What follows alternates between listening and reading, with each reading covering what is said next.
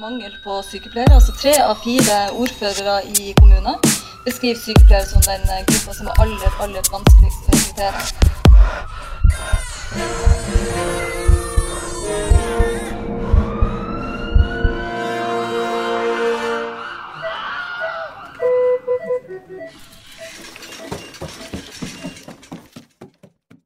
Paranoia. Mani. Vrangforestillinger. Realitetsbrist. Overvåkning. Synshallusinasjoner. Katatoni. Stemmer i hodet. Rus. Aggresjon. Utagering. Angst.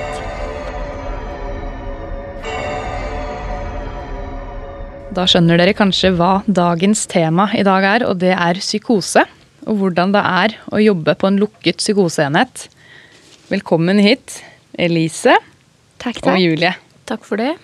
Så nå, nå er jeg spent. Nå må jeg høre hvordan deres reise har vært fra sykepleierstudiet og til psykoseenhet. Hvem vil starte? Start du det, Lise. Ok.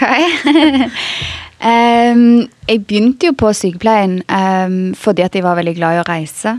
Eh, det var liksom det jeg skulle gjøre her i livet. eh, og tenkte at sykepleie det gir meg så mange muligheter i andre enden. Både at jeg kan liksom jobbe i hele verden, eh, og òg at jeg liksom ikke hadde landa helt på hvilken retning jeg ville i livet, kan du si, da.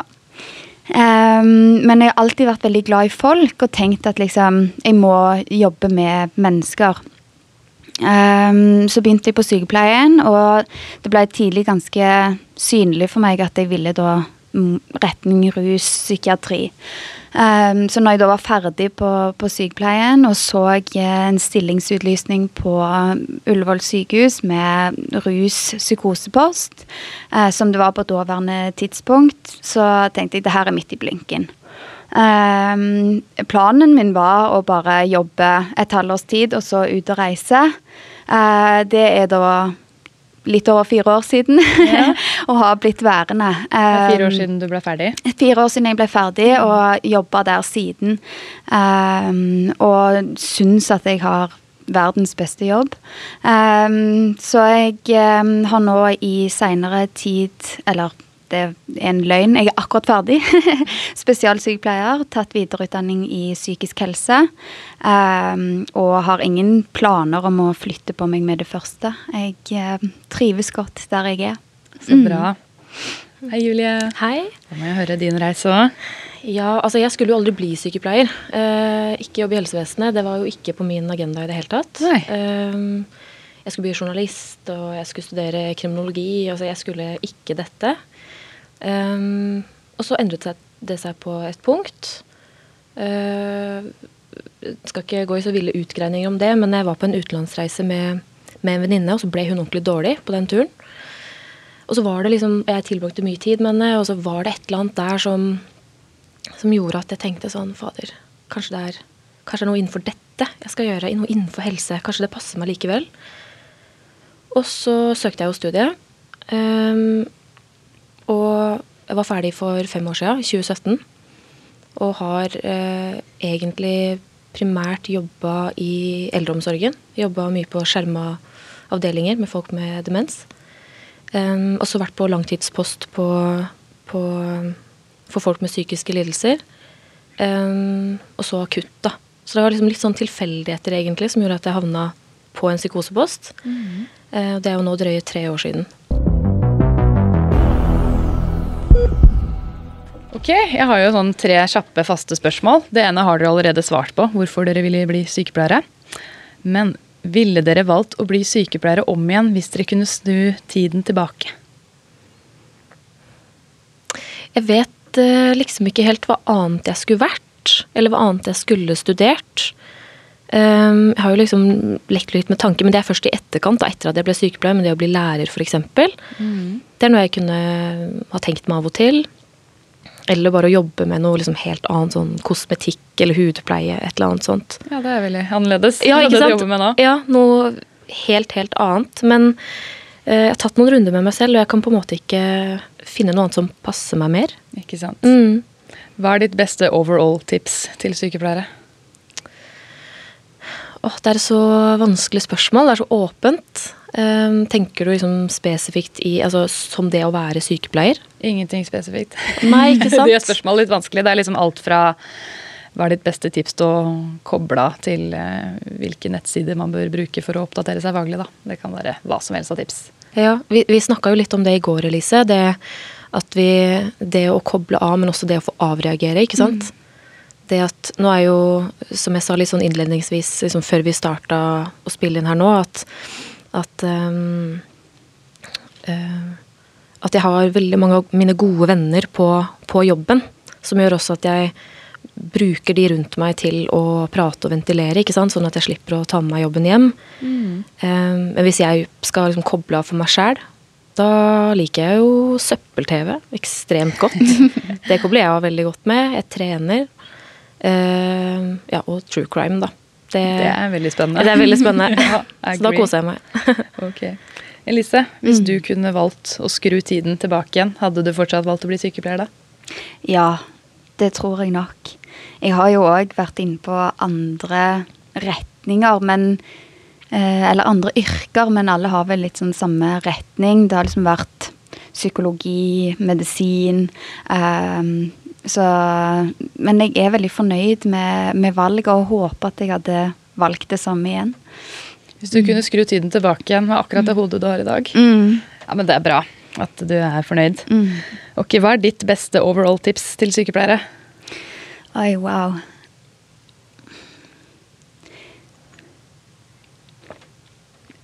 Jeg vet, det, å, det er et vanskelig spørsmål. Pepsi Max? Uh, ja, Pepsi Max. Smågodt og Pepsi Max. Nei. um, jeg tror kanskje at mitt beste tips ville vært å prøve å engasjere seg i jobben. At arbeidshverdagen blir mer spennende eh, hvis en er engasjert i fagfeltet og prøver å tilegne seg den, den, kunnskapen som skal til for å kunne utøve den beste praksisen um, en, en, som en ja, den beste praksisen. Um, så ja, engasjere seg noe på, på, egen arbeidsplass, det tror jeg ville vært mitt beste tips. Nå gikk det et lite sånn halleluja inni meg. Jeg er ikke religiøs, så nå fikk jeg den halleluja. Fordi jeg tror også det at det er nøkkelen til å holde ut i yrket lenge hvis man er engasjert. For da er det på en måte ikke bare en en jobb som man bare må gjøre for å eh, til, tjene til livets opphold. Da er det noe mer måte, mm. som kan gi deg noe, i tillegg til at man gir av seg selv til mm. pasientene. Mm. Og så vil jeg òg da si, selv om jeg har valgt å bli værende der i fire år, um, så vil jeg liksom oppfordre til å prøve. Altså sånn Ikke skrinlegge uh, profesjonen sykepleier dersom en begynner på en avdeling og ikke trives. Det finnes så utrolig mange muligheter. Uh, og det å, å, gi noe en sjanse Det er mange som har vært innom uh, på vår arbeidsplass og jobba et halvår, et års tid etter endt utdanning, som da har valgt å søke seg over til somatikken f.eks., men valgt å komme tilbake igjen. Altså Bare det å gi seg sjøl den muligheten til å prøve andre ting, tror jeg òg er verdifullt uh, for å finne det som en en trives med å ha en arbeidshverdag som en trives godt med. Og Apropos arbeidshverdag, jeg vil gjerne høre litt om deres, deres arbeidshverdag på psykoseenheten. Mm -hmm. Hva gjør en sykepleier der? Eh, hvordan er pasientgruppen? Hva er egentlig psykose? Kjør på! ja, kanskje fortelle litt om hva psykose er. Mm. Uh, skal jeg begynne? Ja, kan du gjøre det, Lise? eh, ja, altså Psykose er jo på en måte en sånn en sekkebetegnelse på eh, realitetsbrist. Jeg tror at, at på folkemunne at folk tenker at psykose, da er du helt ja, henger i gardinene og går i taket, holdt jeg på å si. Et desperado som man ser på film? Absolutt. Mm. Um, som òg absolutt kan være en del av det. Men, men psykose i seg selv er jo en, en realitetspresse som kan være vrangforestillinger som mange kan leve fint med. Uh, men jeg tenker at, at en skal skille eh, mellom psykoselidelser og psykosesymptomer. Eh, for I tillegg til psykoselidelsene så kan en se psykosesymptomer ved, ved ulike tilstander. En kan F.eks. er det ved mani, traume, depresjon, i aktiv rus. Det er ulike organiske tilstander som kan gi psykotiske symptomer. Og enkelte bivirkninger av medisiner. Så det er mange ting som kan gi psykotiske symptomer. Men en har òg psykoselidelser. Um, altså schizofreni, som anses som den mest alvorlige psykoselidelsen. Paranoid schizofreni er helt klart det vi ser mest av i akuttpsykiatri. Uh, det finnes òg andre former for, for schizofreni. Um, en har vrangforestillingslidelse, altså en paranoid psykose. Um, en har rusutløst psykose, som jeg òg kan snakke masse om, og som jeg, vi ser ofte hos oss. Um, så ja, skille litt da mellom, mellom psykoselidelser og psykosesymptomer tenker jeg er vesentlig. Psykoselidelser, er det på en måte litt mer kronisk, eller at man er utsatt for å få det igjen? Ja, da har du en alvorlig sinnslidelse som ofte er tilbakevendende. Mm. Um, en kan bli frisk av en alvorlig sinnslidelse òg, og ha gode perioder der en er frisk, men òg perioder med sykdom. Um, ja. Det er fint, da. At mm. man kan bli frisk og mm. få gode perioder også. Absolutt. Det er litt viktig å, mm. å fremme det. Mm. Kanskje du Julie, kan si litt om hvordan en typisk arbeidshverdag hos dere er? Ja, nå er det jo ikke en, er jo ikke en arbeidshverdag hos oss sånn typisk. Nei. Eh, for det er jo en akuttavdeling, så, så alt kan jo skje. Um, vi kan jo ha pasienter inneliggende over lengre tid. Nå er vel snittet uh, inneliggetid på tre uker. Noe sånt. Mm. Noen er der mindre, noen er der lenger. Uh, så vi kan jo bli godt kjent med pasientene som er der, og, og jobbe godt med dem. Men så har vi jo fire andre avdelinger også som vi bistår ved behov. Um, nå har vi jo én mottakspost. Det er der hvor alle pasientene kommer inn. Eh, så er det mottaksposten som gjør vurdering på om de skrives ut, altså til hjem, DPS, hva enn. Eh, det tror jeg er om lag halvparten mm. av de som kommer inn. Og så tar de også vurdering på hvem som skal videre til hvilken post. Så har vi jo øvrige tre psykoseposter, hvorav vi er en av de. Eh, og en post for affektive lidelser. Så bare at jeg har liksom sagt det. Så en vanlig arbeidshverdag altså Det avhenger litt hva slags rolle du har for dagen. Vi har jo en vaktansvarlig sykepleier på hvert vaktlag, eh, som vi så kaller for VAS. Det er eh, alltid en sykepleier eh, og en som på en måte koordinerer vaktlaget litt. Plasserer det og det personalet på de og de pasientene. Hvem skal ta seg av medisiner? Eh, altså, hvem skal Eh, hvem skal være hvor til rett tid, altså som på en måte styrer alt, tar dialogen med legene ofte. ja. Og på kveldstid, på natt og helg, så er det også VAS som fatter disse hastevedtakene. Eh, så jeg vet ikke hvor mye vi skal snakke om det, men, men eh, det er liksom vedtak som vi kan fatte når det er, alt annet er prøvd, ikke sant. Når, vi har, når det er uomgjengelig nødvendig, og det liksom Ja, det er det aller siste alternativet vi har, da, ikke sant. Og det og det med å fastholde pasienten. Det med å isolere pasienten på rom uten personal til stede, eller det å legge pasienten i belter. Mm. Mm. Vi kan gjerne snakke litt mer om det seinere i episoden. Men ja. forstår jeg deg riktig hvis det her er en ganske sykepleierstyrt avdeling? Eller er det alltid lege der til enhver tid? Altså fra På dagtid på hverdagene så er jo alltid behandlerne til stede. Altså ansvarlig behandler for pasientene. Som er altså, leger. Som er leger. Ja. Eller psykologspesialist. Um, og så har vi jo, når det ikke er hverdag og dag, så er det jo alltid en vakthavende og en bakevakt mm. eh, på huset. Eh, men det er jo, vil jeg si, på de tidspunktene at sykepleierne gjør veldig mye og tar mange beslutninger og vurderinger. Eh, så jeg tror nesten det kommer litt an på døgnet, kan jeg si det? Mm. Men så kan vi jo òg si at, at, på kveldsvakter der det er fem personal, så er bare kravet at to av de skal være sykepleiere. Ja, hvem er de andre, lurer jeg på? Ja, det er eh, mye forskjellig. Mye av driften på Ullevål sykehus eller på akuttpsykiatrisk er drifta på ekstravakter. Eh, vi har veldig mange flinke ekstravakter. Eh, veldig kompetente som har jobba i mange, mange år. Um, som har det som sin, sin faste jobb.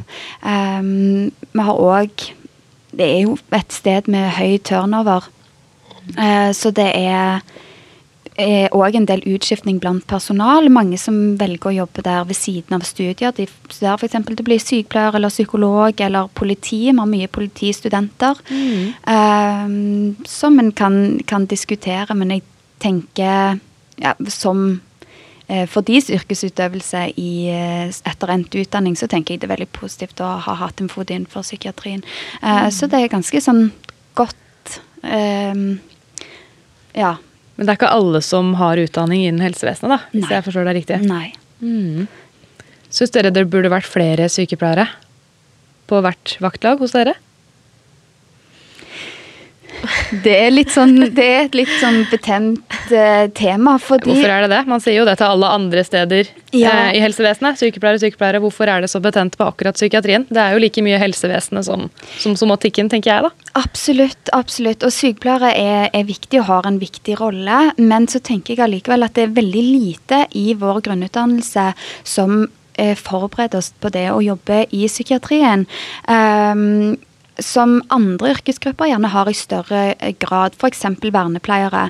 Uh, Ullevål har ikke vernepleiere i det hele tatt. Det er litt rart, da. Mm. Når de trengs innen det absolutt, fagfeltet. Absolutt. Så absolutt veldig gjerne flere sykepleiere, men jeg skulle òg gjerne likt å se en mer Hva skal jeg si Et større utvalg, da. Mm um, og selvfølgelig mer psykiatri inn i grunnutdannelsen. Ja, det klagde jeg på, faktisk. Jeg var mm. jo studentrådsleder mm. i min tid.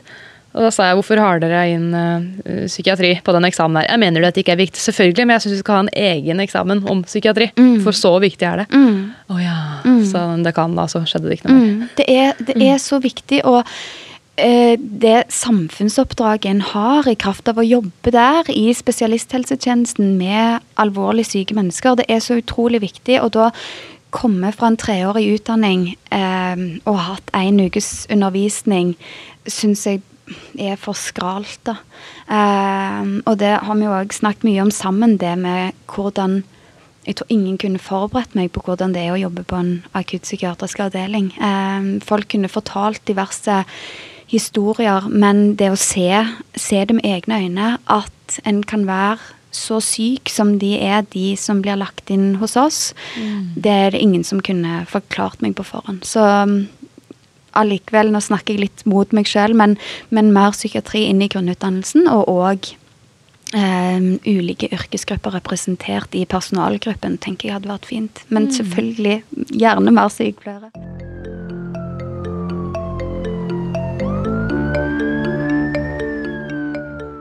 Men apropos sykepleiere og sykepleie, hva slags type sykepleie er det dere gir på psykoseenheten? Ja, vi, eh, vi, gir jo medikamentell behandling. Eh, nesten alltid. Eh, I noen tilfeller så er jo symptomtrykket hos pasientene så høyt at når vi får gitt liksom, adekvat medisinering, i hvert fall tilstrekkelig, så kan liksom arbeidet begynne når de har fått dempa det symptomtrykket litt. Det er liksom da vi har tilgang, eller får tilgang, og muligheten til å jobbe med litt sånn helhetlig sykepleie, miljøterapeutisk.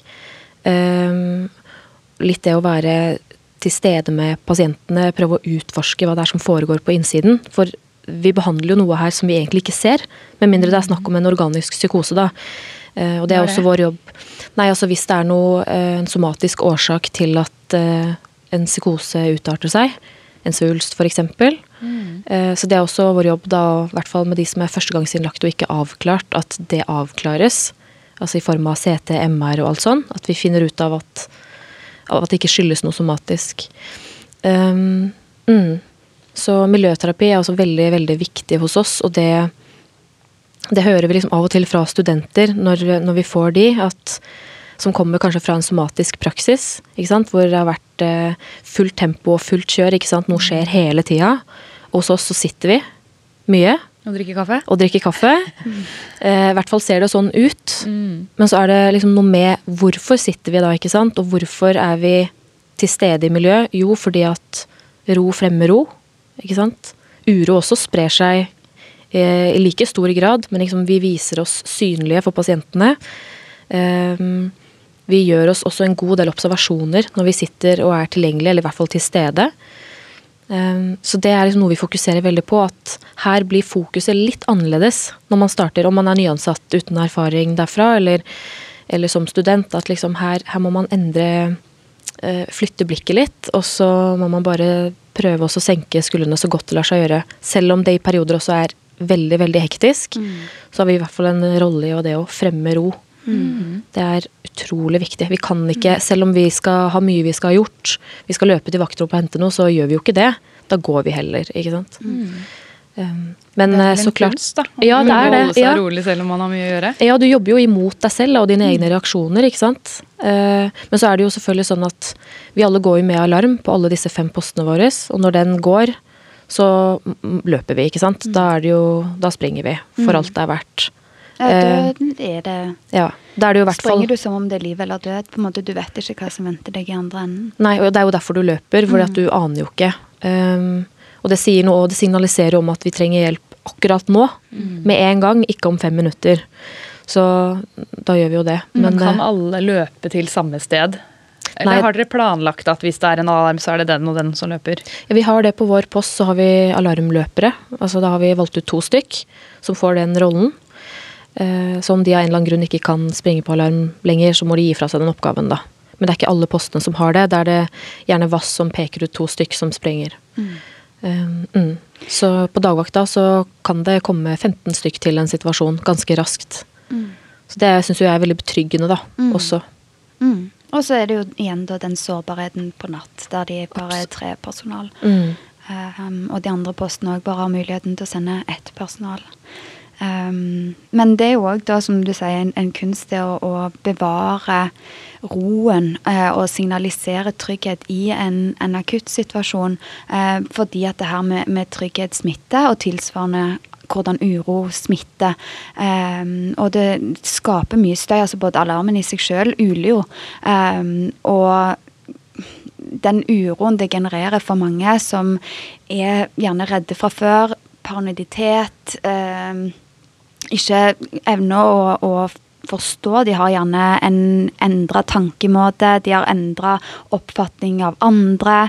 De har en, eh, gjerne en svekka evne til å tolke andre. Og det at det da oppstår en så eh, ja, en urolig situasjon kan være veldig skremmende for mange. Så det å da parallelt med å håndtere en akutt situasjon, ha personal tilgjengelig til å på en måte kunne romme øvrige pasienter i avdelingen og prøve å signalisere at dette går bra, vi har kontroll, um, det er en kunst.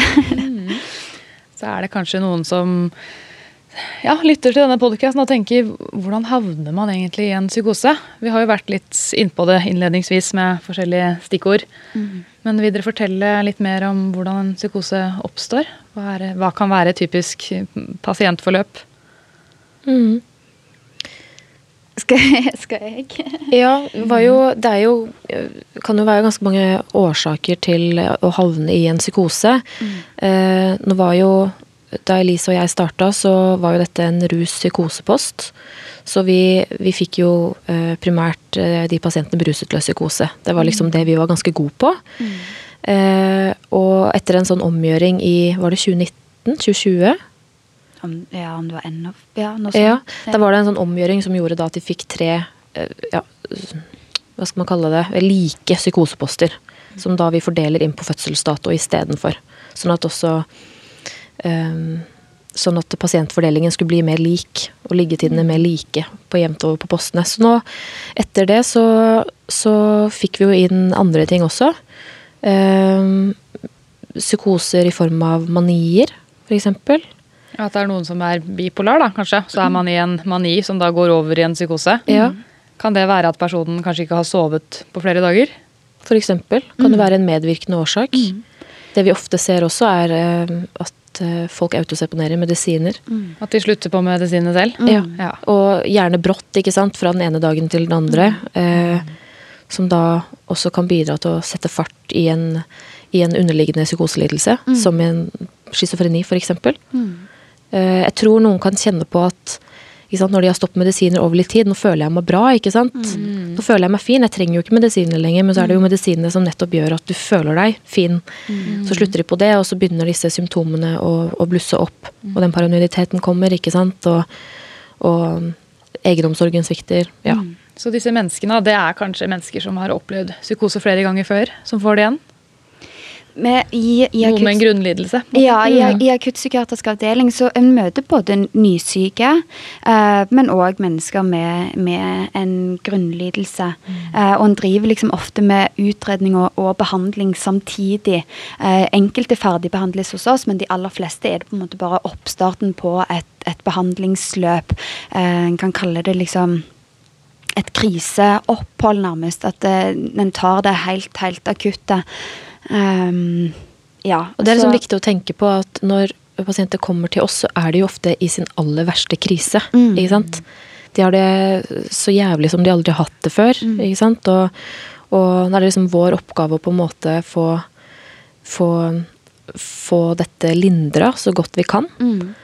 Eh, og så er det jo litt sånn dessverre da at vi får jo aldri Vi kan jo se at pasienter kommer ut av psykoser, eller at eh, symptomtrykket demper seg. Men det er ikke så ofte vi får se de helt friske.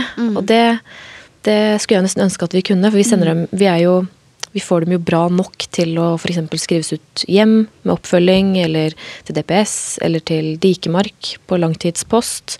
Så vi får ikke alltid det, det hele bildet, da. Ja, for det ser de vel mer på en langtidspsykosepost. Ja. Da kan man se liksom hele forløpet, at de kanskje blir til og med helt friske igjen. Mm. Lurer dere noen ganger på «Å, hvordan gikk det med den og den? Veldig, veldig ofte. Ja, sånn er det på alle avdelinger, tror jeg. Ja, en, en tilbringer mye tid sammen, og eh, selvfølgelig skille eh, som meg som, det, som eh, sykepleier, som profesjonell aktør og privatperson, men allikevel, når en har det engasjementet som i hvert fall jeg har, og blir så engasjert i enkeltmennesker, så blir en jo glad i dem. Eh, og skulle ønske at en kunne vite hvordan det går. Eh, Men det har vi jo ingen, ingen mulighet til. Det er jo ingen, ingen mulighet for oss til å, å sjekke det på noe vis. Og det sier vi jo òg til alle pasienter eh, som er hos oss, at vi har jo heller ikke lov å hilse i etterkant. Altså sånn Møte med en pasient som har vært innlagt ute, så må de da si hei til oss først. hvis de... Sånn er det vel generelt i helsevesenet. Taushetsplikten Sant. er lik overalt, heldigvis. Så det, jeg har sett mange pasienter der jeg har hatt lyst til å si hei, hvordan går det med deg? Men må på en måte tøyle det og, og vente til de eventuelt tar kontakt sjøl, da. Mm. Men jeg tenker litt sånn, Elise, det er i lys av det du, du var inne på nå, at vi bruker oss jo selv i så stor grad Mm. når vi er på jobb. Eh, så noen ganger så er det liksom bare den gode gammeldags kjemien Mm. som gjør at, at ting flyter godt med en pasient, f.eks. eksempel Det at liksom eh, vi får til å utforske symptomer, vi får til å liksom få noe ordentlig ut av en samtale. Det er ofte basert på kjemi. Ja, for det hadde jeg lyst til å spørre om. Får dere til noen gode samtaler med disse menneskene som er på sitt mest syke? Absolutt. Ja, Mm. så bra. Mm. Absolutt. Og så kan en jo diskutere hvilken grad dialogen er meningsbærende. Ja. Eh, men allikevel eh, at en er i stand til å bygge en relasjon med mennesker som er, er veldig syke, det tenker jeg absolutt er ja, noe av det vi jobber for. Skjønner disse menneskene at de er i psykose? Av og til. Ja, det er veldig varierende, vil jeg sagt. Eh, mange, mange, eller noen har innsikt i at de er alvorlig syke. Eh, andre har ikke. Eh, men noen kan ha innsikt i at de er syke, men allikevel ikke nødvendigvis klare å eh, skille hvilke sanseopplevelser som er ekte og ikke. Eh, Det kan jo være ganske skremmende for mange, i hvert fall som er førstegangsinnlagte, som, opp, som kjenner på, på psykotiske symptomer, ikke sant, og blir kjemperedd Mm. i kraft av det. Eh, hvor da også følelsesuttrykket blir voldsomt når de kommer inn til oss, Mm. ikke sant. Mm. Så det, det er også det som er litt spennende, når man liksom får innpass til å kunne eh, drive psykoedukasjon, og så lærer de litt om egen sykdom. Og hva, hvilke symptomer er det du kjenner på da? Hvorfor er det sånn? Og liksom det å Selvfølgelig, for man er jo redd det man, ikke, det man er ukjent med. ikke sant? Selvfølgelig. Så det syns jeg er litt veldig fint når vi får muligheten til det. Mm. Men ofte er jo ofte lengre ute, som du sa i stad, lengre ute i behandlingsforløpet. At Mm. den første tiden på en akuttpost går med til liksom å dekke helt grunnleggende basale behov. Og stabilisere nok til at en kan komme i posisjon til psykoedukasjon. Mm. Og så er det jo noen ganger sånn at, eller ofte da, så er jo utgangspunktet vårt utfordrende, fordi de aller fleste pasientene vi får inn, er jo innlagt på tvang. Eh, som kan gjøre som utgangspunktet vårt utfordrende i form av at nå skal vi prøve å hjelpe noen som ikke erkjenner at de er syke, og heller ikke ønsker behandling, ikke ønsker å være på avdelingen. Ja, for det Så starter, vi starter liksom på hver vår side her. Um, men så er jo nesten alt det vi gjør på post, er jo å unngå bruk av ytterligere tvang. ikke sant? Det at man er innlagt på tvang, det er liksom det utgangspunktet vi starter med. Men vi jobber sånn med å, å, å deeskalere. ikke sant? Jobbe miljøterapeutisk. Jobbe sånn at det ikke blir utøvd mer tvang gjennom oppholdet. Det er vi så opptatt av. Det er jo veldig viktig at vi får frem. Uh, mm. Men hva, hva er egentlig tvang? Altså, en av tingene er jo at man er på et sted og man ikke vil være. Det er én form for tvang. Men hvilke andre tvangstiltak er det man kan gjøre der dere jobber? Jeg tenker at det, det du sier er et, et vesentlig poeng å skille mellom det å bli lagt inn på tvangsparagraf, eh, som er mye diskutert nå i samfunnet generelt, det eh, kontra det, den tvangen som blir benytta inne på avdeling. Det er på en måte to ulike ting um, som, som begge er viktig å, å diskutere. Um, men inne på avdeling så er det jo litt som du nevnte i sted, med kortvarig fastholding. Um, at personal fysisk er nødt til å da ta tak i, i pasienten. En har isolering, at en kan uh, låse døren til pasientrommet. Og da eh, mekaniske tvangsmidler, som det liksom heter på, så på fint i, i lovverket, da, at en eh, benytter belter. Mm. Er det belter som er festa på en seng, som man på en måte rett og slett belter pasienten til senga? Høres så voldsomt ut, men det, det, er, det er liksom det som voldsomt ut. skjer. Det, det, er, det er på en måte den strengeste eh, strengeste utførelsen av bruk av mekaniske tvangsmidler. En kan òg det som Usikker på om det er det liksom det heter formelt sett, men det vi i hvert fall kaller det for transportbelter. Eh, at en har da Eller mobile belter. mobile belter. At Ja. de kan gå rundt, men er bindt fast, så ikke de kan bevege seg så fritt som de kanskje Ja, at det er en, en, viss, en viss grad av, eh, av eh, hemma bevegelsesfrihet. At eh, hendene er eh, festa til et magebelte, og tilsvarende et belte på føttene. Så man da har muligheten til å, å gå rundt og bevege seg rundt. Så det vil jeg òg si at liksom dersom det er en så eh, alvorlig utagering, og understreke det som du har sagt, at det med bruk av mekaniske tvangsmidler er absolutt, absolutt siste utvei, um, så er ikke det umiddelbart sagt at en da skal rett, festes rett i seng. Um, det, det er grader av det her. Um, Så fint at du sier det, Lise. Og uh, også når vi uh, utøver denne type tvang, så er det også viktig å få sagt at det er jo for å forhindre skade, ikke sant? Ja, for det skulle jeg til å spørre om Ja. hva er grunnen Ja. til at man må gjøre disse tingene. Det er jo å forhindre skade på personal, på pasienten selv, mm. eller på inventar. mm, Så det er liksom det er tre kriterier som i hvert fall en av de da, må innfris for å kunne fatte et sånt vedtak. mm. Og da kan vi jo òg si at da har vi Da er absolutt alt annet prøvd. Mm. Altså sånn, Da har vi gjerne stått i flere timer, blitt spytta på, klort Altså det, det er absolutt, absolutt siste utvei. Um, og det som på en måte er litt min sånn fanesak, hvis jeg kan kalle det det, er det at det her er mennesker som er alvorlig syke. Og selvfølgelig så skal vi har vi et ansvar for at de ikke skal skade seg selv eller skade personal. Men jeg tenker òg at vi har et ansvar for å hjelpe dem til å ikke begå handlinger eh, som de vil angre på når de blir friske.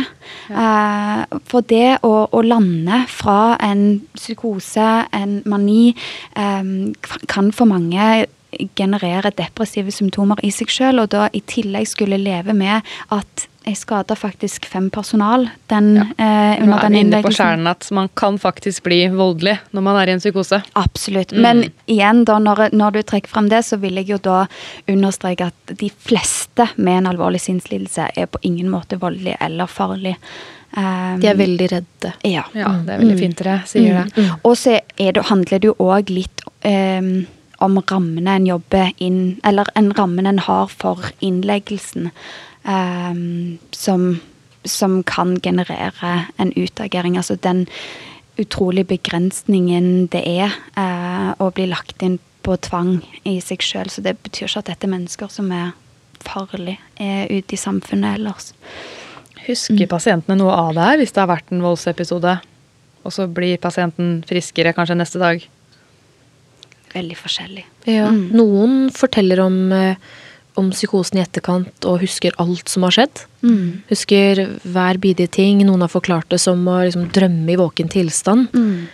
Eh, og mens noen glemmer mye. Mm. At, det er, eh, at når man har landa ut av det, så har man liksom behov for å, å sette brikkene sammen igjen. Og at det er, det er liksom vanskelig å finne ut av hva som faktisk har skjedd, og har liksom behov for å få, eller å trygges på at man ikke har gjort, at man ikke har blamert seg, f.eks., eksempel eller, eller ikke har skada noen. Noen trenger liksom det.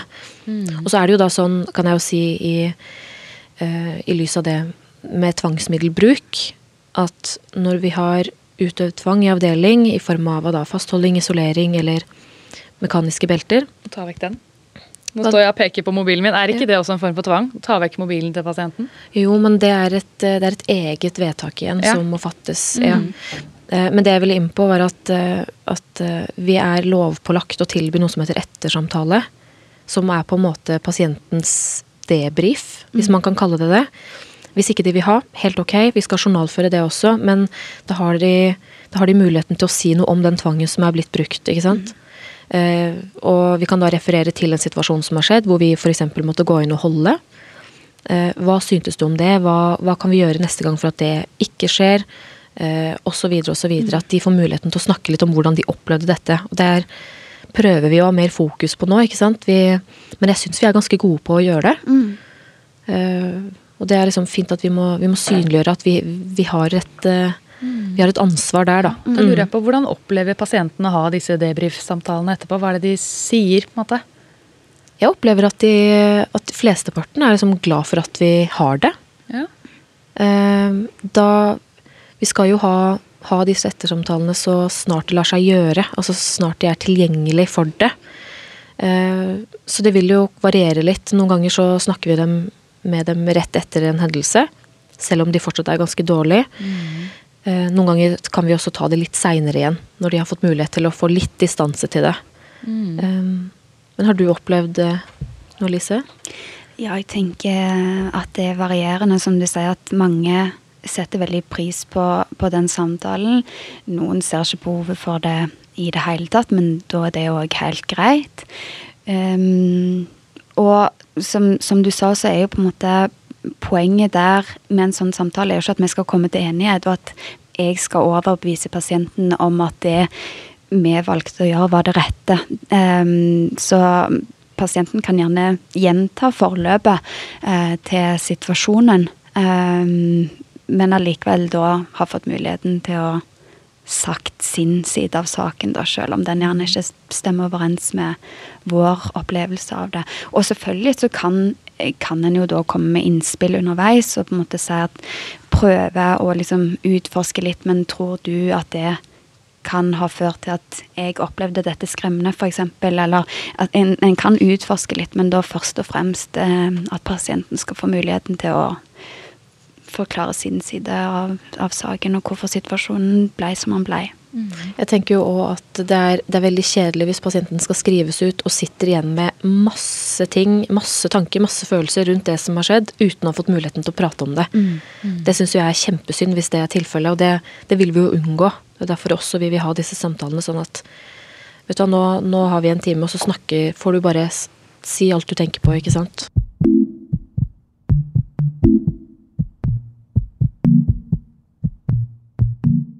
Nå har vi jo snakka litt om tvang, og at dere gjør det så skånsomt som dere kan. Dere lar også pasientene få ha en ettersamtale, sånn at pasientene kan fortelle hvordan opplevelsen var.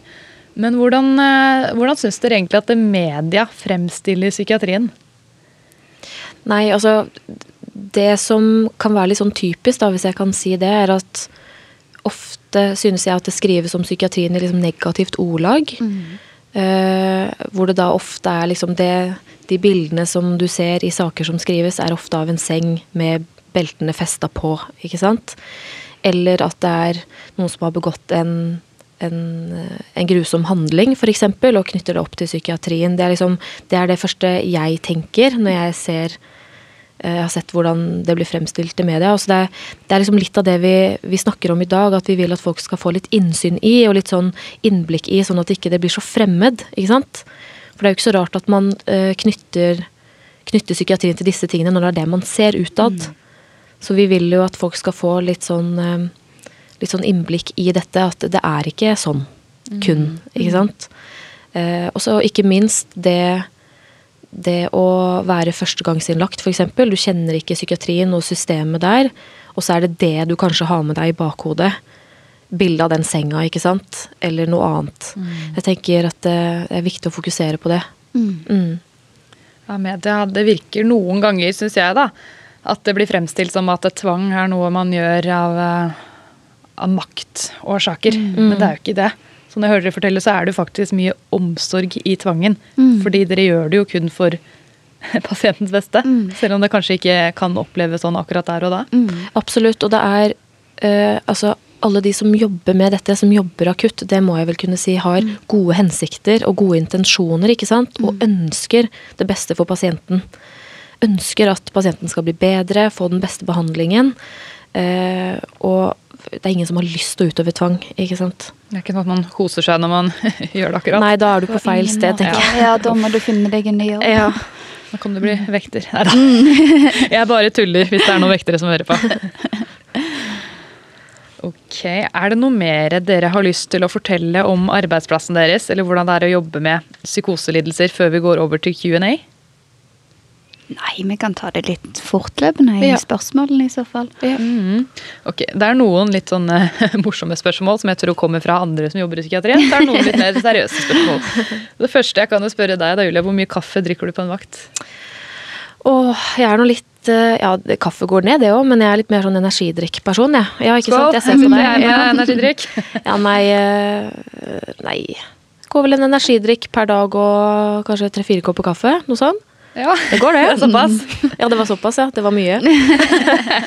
Men du Lise, du drikker ikke kaffe? Nei, jeg drikker What? ikke kaffe. jeg begynte med å si at jeg ikke hadde vært student lenge nok, og så var det at jeg ikke hadde vært sykepleier lenge nok, men nå har jeg ingen unnskyldning lenger. Jeg bare er ikke så glad i kaffe. men du får i deg koffein på andre måter? Ja da. Det skal ikke stå på det. Det er så mye energi igjen fra før. Ja, det er det. Jeg jobber allerede med å stagnere den uh, energien til det. Jeg føler liksom at sånn kaffe og røyk er sånn typisk man eh, forbinder med psykiatrien. Mm, Faktisk Min første jobb som sykepleier da jeg akkurat hadde fått autorisasjonen, det var på rusakuttmottak og avgiftning. Ja. Så hadde jeg bursdag, da. Og pasienten bare 'Skal du ha en røyk?' Ja, hvorfor ikke? Yeah. jeg spurte de ansatte er det greit å røyke med pasienten. Ja, ja, vi gjør det hele tiden. Så jeg sto der da med kaffe og, og røyk. Så jeg bare herregud, hva er det det skal bli av meg? Yeah. Så jeg kom meg til somatikken i stedet for. Men uh, spennende å jobbe der. Ok. Hvor lenge kan en psykose vare? Kan det hende den aldri går over? Ja, det er jo egentlig det korte svaret på det.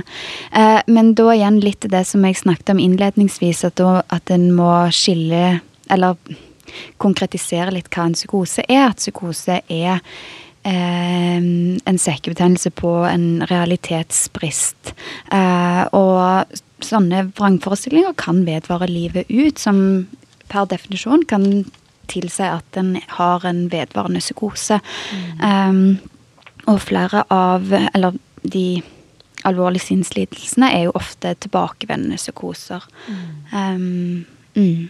Så det er veldig ulikt forløp, uh, og altså ulikt tidsforløp, um, kan være det kan være noen timer, det kan være noen dager, men det kan òg være mer langvarig over flere måneder, og potensielt da livet ut. Mm. Ja. Og så er man jo mer eh, for på en måte Når vi ser pasienter som har hatt tre, fire, fem psykoser bak seg, eller psykoseforløp, så um, er jo sårbarhetsterskelen lavere ikke sant, Mm. for neste gang det eventuelt skjer. Eh, og kanskje mer litt sånn at de sitter litt mer i. Mm. Hvis det er noen type forestillinger og sånn. Altså symptomene er litt eh, vanskeligere å riste av seg. Mm. Mm. Dere jobber med voksne pasienter, ikke sant? Fra 18. Fra 18 og opp, ja. Det kunne vi kanskje sagt innledningsvis. Men jeg bare tenker på, det her er ikke et spørsmål fra Q&A, men førstegangspsykose, er det noe sånn gjennomsnittsalder på når man får sin første psykose? Det er jeg litt usikker på, men mange eh, av de som eh, kommer til oss da i voksenpsykiatrien, har hatt en eller annen form for tilknytning til barne- og ungdomspsykiatrien. Ja. Um, det gjelder på ingen måte alle, men, men flere har da hatt et um, forløp bakover i tid. Mm. Kommer det folk med førstegangspsykose etter dere òg? Absolutt. Ja, ja. absolutt. Og da er jo da litt av eh, vår jobb er å prøve å kartlegge eh, Skyldes dette en, en grunnlidelse? Altså er det et utbrudd av en grunnlidelse? Eller er det rusutløst? Eh, mange rusutløste psykoser eh, skyldes jo ja, det tar jeg tilbake. Flere, eh, flere rusutløste psykoser skyldes jo gjerne en udiagnostisert grunnlidelse. Ja, man er sårbar fra før av, og så er på en måte rusen Det blir på en måte kremen på kaka som bare setter det i gang. Mm. Så for, for mennene så er det jo ofte liksom, når de er liksom unge voksne, at det kanskje kommer litt til uttrykk, mens for damene er jo det ofte litt seinere. Mm. Kommer det et spørsmål. Får dere inn pasienter med hasjutløste psykoser? Og er det i så fall bare av røyking, eller får dere også inn de som har spist hasjen, som f.eks. ved hasjbrownies? Nei, THC er THC, er det ikke det? Det er det. Det er den man blir gæren av. THC-en, ikke den CBD-en, eller hva det heter. Den andre som er litt beroligende. Det er jo to stoffer i hasj. Ja, nei, det er, vel, det er vel ofte THC som de slår ut på hvis de kommer inn med Altså om du har spist eller røyka, det er jo nesten det samme. Jeg tror det er verre å spise, faktisk. ja. Altså, en, en rusutløst psykose er jo symptomer som er framkalt av umiddelbar effekt av den kjemiske substansen. Eh, og det vedvarer etter at rusen er ute av kroppen. Ehm, og det, den psykotiske forstyrrelsen inntreffer under eller umiddelbart etter substansbruken. Altså vanligvis innen de 48 første timene. Ehm, men hallusinasjoner som kun skyldes ruseffekten av hallusinogener, det regnes ikke som en rusindusert psykose. Nei, for det er jo en greie, Mange ruser seg jo fordi de vil trippe. ikke sant? Sånn som ved LSD. Noen tar jo det her for å se alle disse morsomme tingene som man kan se, men hvis det ikke går over, da Det går flere dager, og da, da er man inne på psykose, eller? Mm, Men spørsmålet er egentlig, er det kjent for dere at folk kommer inn med hasjutløste psykoser? Ser dere det? Ja, det er en del av et misbruk, Ja. hvert fall. Ja. Ja. Har dere møtt Jesus? Ja. Opp, opp til flere ganger. Det, var... det er jo da pasienter som tror man er Jesus, regner jeg med liksom, er egentlig pakket inn i det spørsmålet. Ja da. Vi hadde Der ligger en barnehage vis-à-vis eh, avdelingen, eh, og vi fikk en telefon fra barnehagen. Jeg var vaktansvarlig og sier liksom Ja. Eh, akutt psykiatrisk Ullevål sykehus. Ja, er der, eh, der er en mann her som står og eh, predikerer og sier at han er Jesus for, for barna. Så tilhører han dere? Nei, det tror jeg ikke. Liksom. Jeg tror det er ingen som er av den oppfattelsen her nå.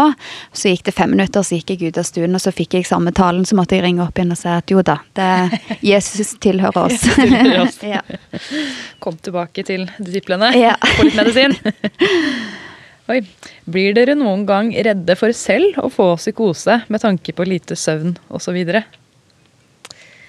tror ikke jeg blir redd for å få psykose, men mer at du blir jo litt mer bevisst på egen psykisk helse, kanskje. Mm. Og hva som er dine sårbarhetsfaktorer. Det, men jeg tenker sånn det, den, De type psykosene vi ser på vår avdeling, er jeg liksom ikke redd for å, eh, for å få For jeg har et avklart forhold til rus, ikke sant. At jeg, jeg vet at det er, ikke, det er ikke noe jeg sliter med. Men så fins det jo typer psykoser som man kan få som du på en måte ikke kan rå over. Altså mm. fødselspsykose, sånne ting. som man Dessverre er du dame og kan være utsatt for det. ja. Men det, det tenker jeg jo alle kan være litt bekymra over. Men altså Jeg går ikke rundt daglig og tenker på det. Det gjør jeg ikke. Altså, kan hvem som helst få en psykose? Ja. Kan jeg få en psykose når jeg går ut døra der etterpå? sånn i teorien? I, teorien, ja. Ja. ja.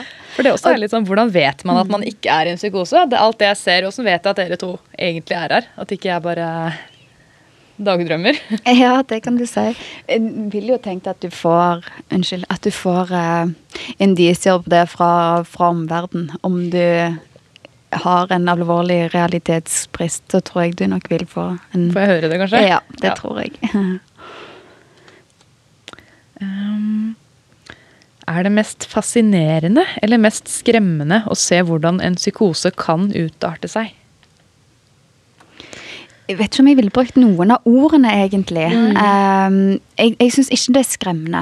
Um, det er mer tilbøyelig til å si fascinerende, men allikevel um, så ville jeg ikke valgt å bruke det ordet fordi at de som opplever en psykose, er så ekstremt lidende. Um, at det, det, er interessant å få innsyn i, i menneskesinnet på den måten. Uh, men det med det sagt så unner jeg ingen å oppleve en psykose. Jeg har faktisk fått symptomer på psykose. Jeg, jeg fikk utskrevet noen sovemedisiner. Mm. Og så gikk jeg ikke og la meg med en gang etter jeg hadde tatt det. Eh, så plutselig så jeg masse stubber og trær inne i stua. Jeg bare Oi, eh, jeg tror kanskje jeg må gå og legge meg. Mm. Jeg skjønte på en måte at det ikke var ekte. Ja. Og en annen gang, det var av de samme medisinene, så så jeg en oransje drage. Det var helt sykt. Ja, det... Men jeg blei ikke redd, fordi da hadde jeg på en måte allerede hallusinert på det en gang før jeg visste at det kan skje igjen. Mm. Um, og det gjorde det jo. Jeg bruker ikke de mer. Men det er på en måte bare sånn Det kan skje alle. Mm. Ut ifra hva man putter i kroppen, eller hva som, hva som skjer. Absolutt. Jeg var jo ikke i psykose, men jeg fikk, jeg fikk noen symptomer. Mm. Ja. Blir dere noen gang redd for å gå på jobb?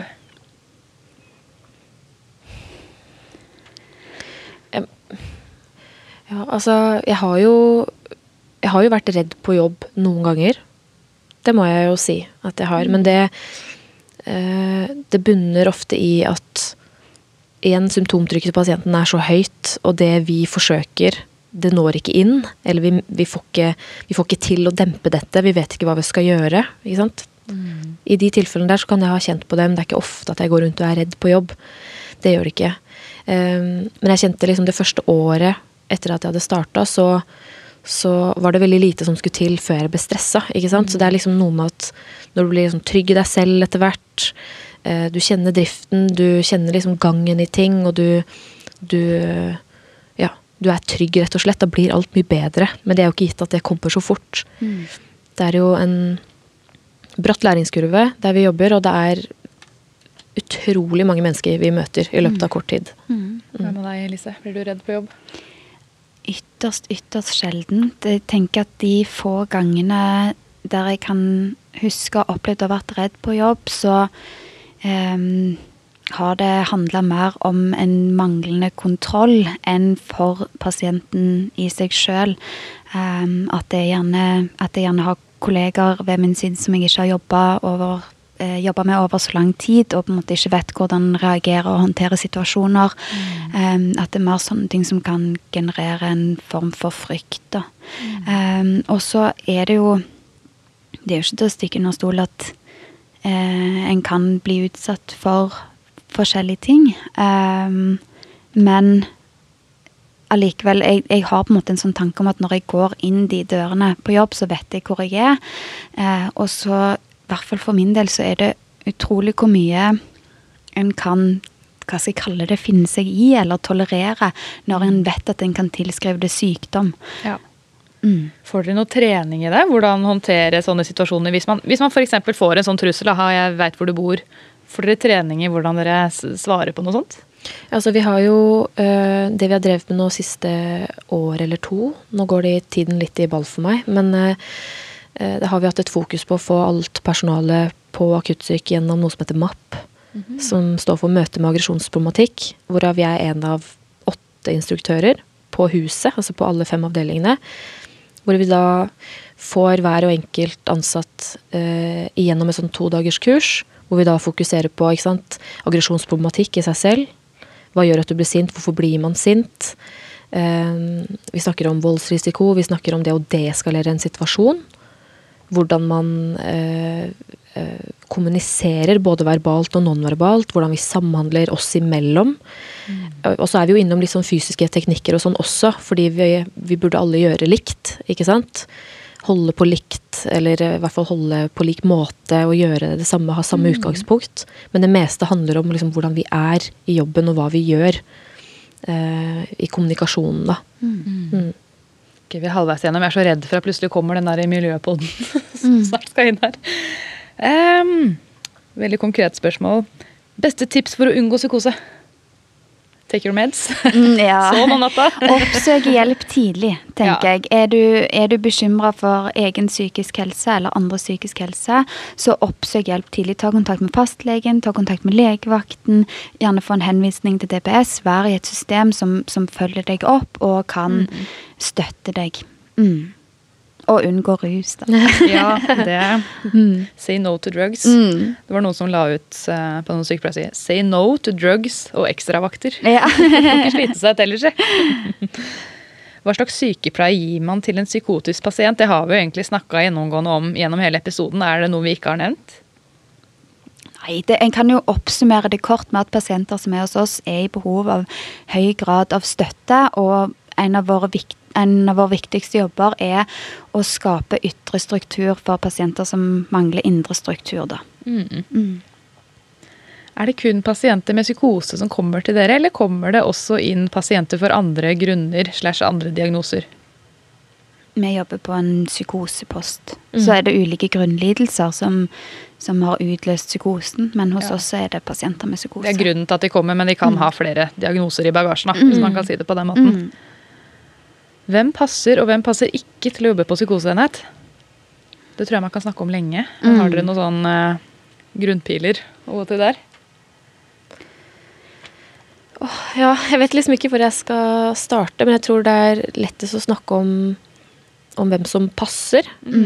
Eh, vi har jo også sagt eh, litt sånn utenfor denne poden, men at det, det er ikke for alle. Mm. Eh, men det er, det er også noe jeg pleier å si til studenter når vi får det, at liksom prosedyrer og alt dette, det kan du lære deg, ikke sant? Det er ikke forventa at du kan det før du starter her. Men, men er du empatisk, ikke sant? har du gode intensjoner, eh, vil du vel, ikke sant? og er engasjert, interessert i faget og i pasientgruppen, så når det langt, ikke sant? Det, Det er kanskje lurt å være en person som klarer å holde roen, da. Mm, absolutt. tålmodig. Mm. Dere virker jo ganske rolig og tålmodige. Jeg er mer sånn skravlebøtt og sykt utålmodig, så jeg vet ikke om jeg kunne jobba i psykiatrien. Det kan føre mye positivt med seg, det òg.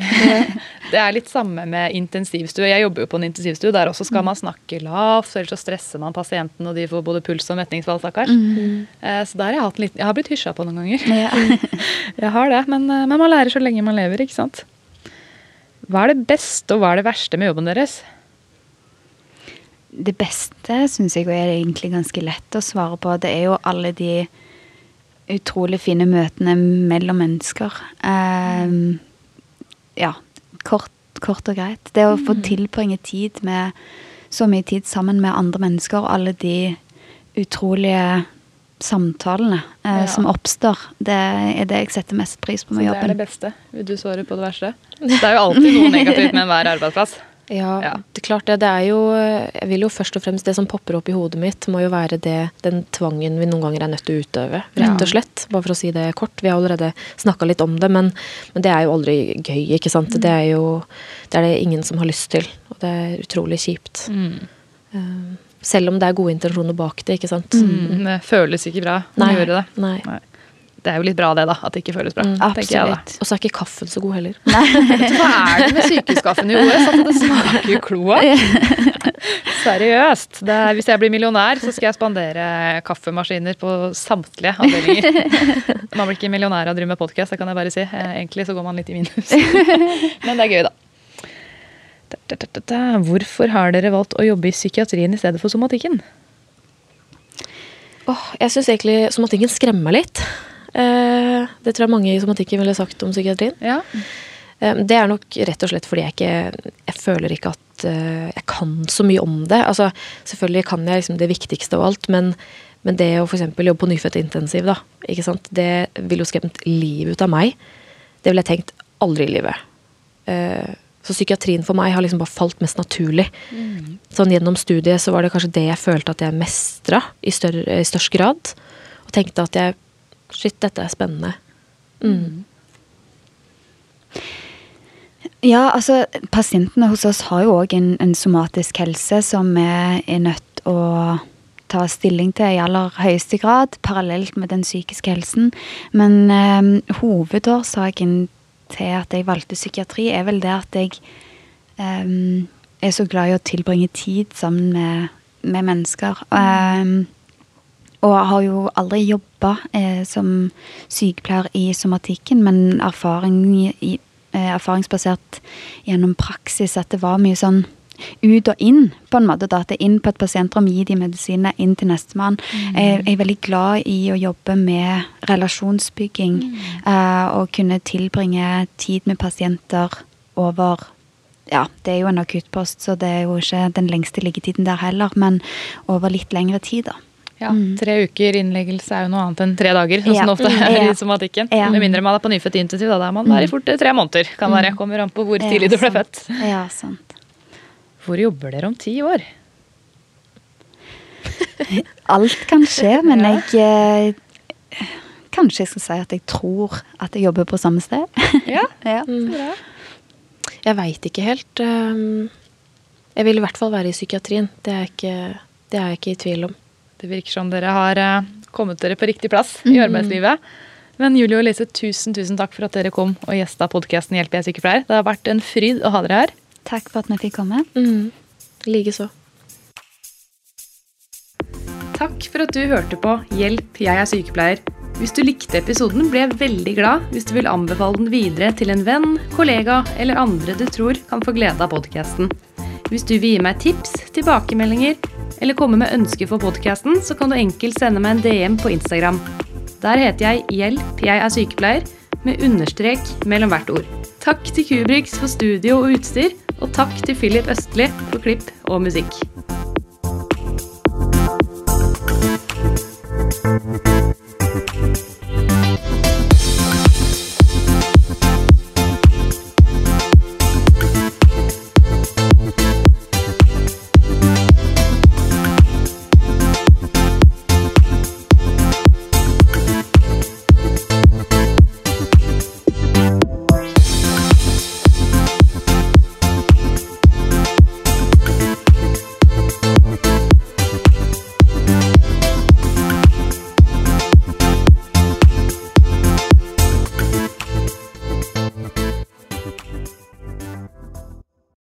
Har du et enkeltpersonforetak eller en liten bedrift? Da er du sikkert lei av å høre meg snakke om hvor enkelt det er med kvitteringer og bilag i fiken, så vi eh, gir oss her, vi. Fordi vi liker enkelt. Fiken superenkelt regnskap.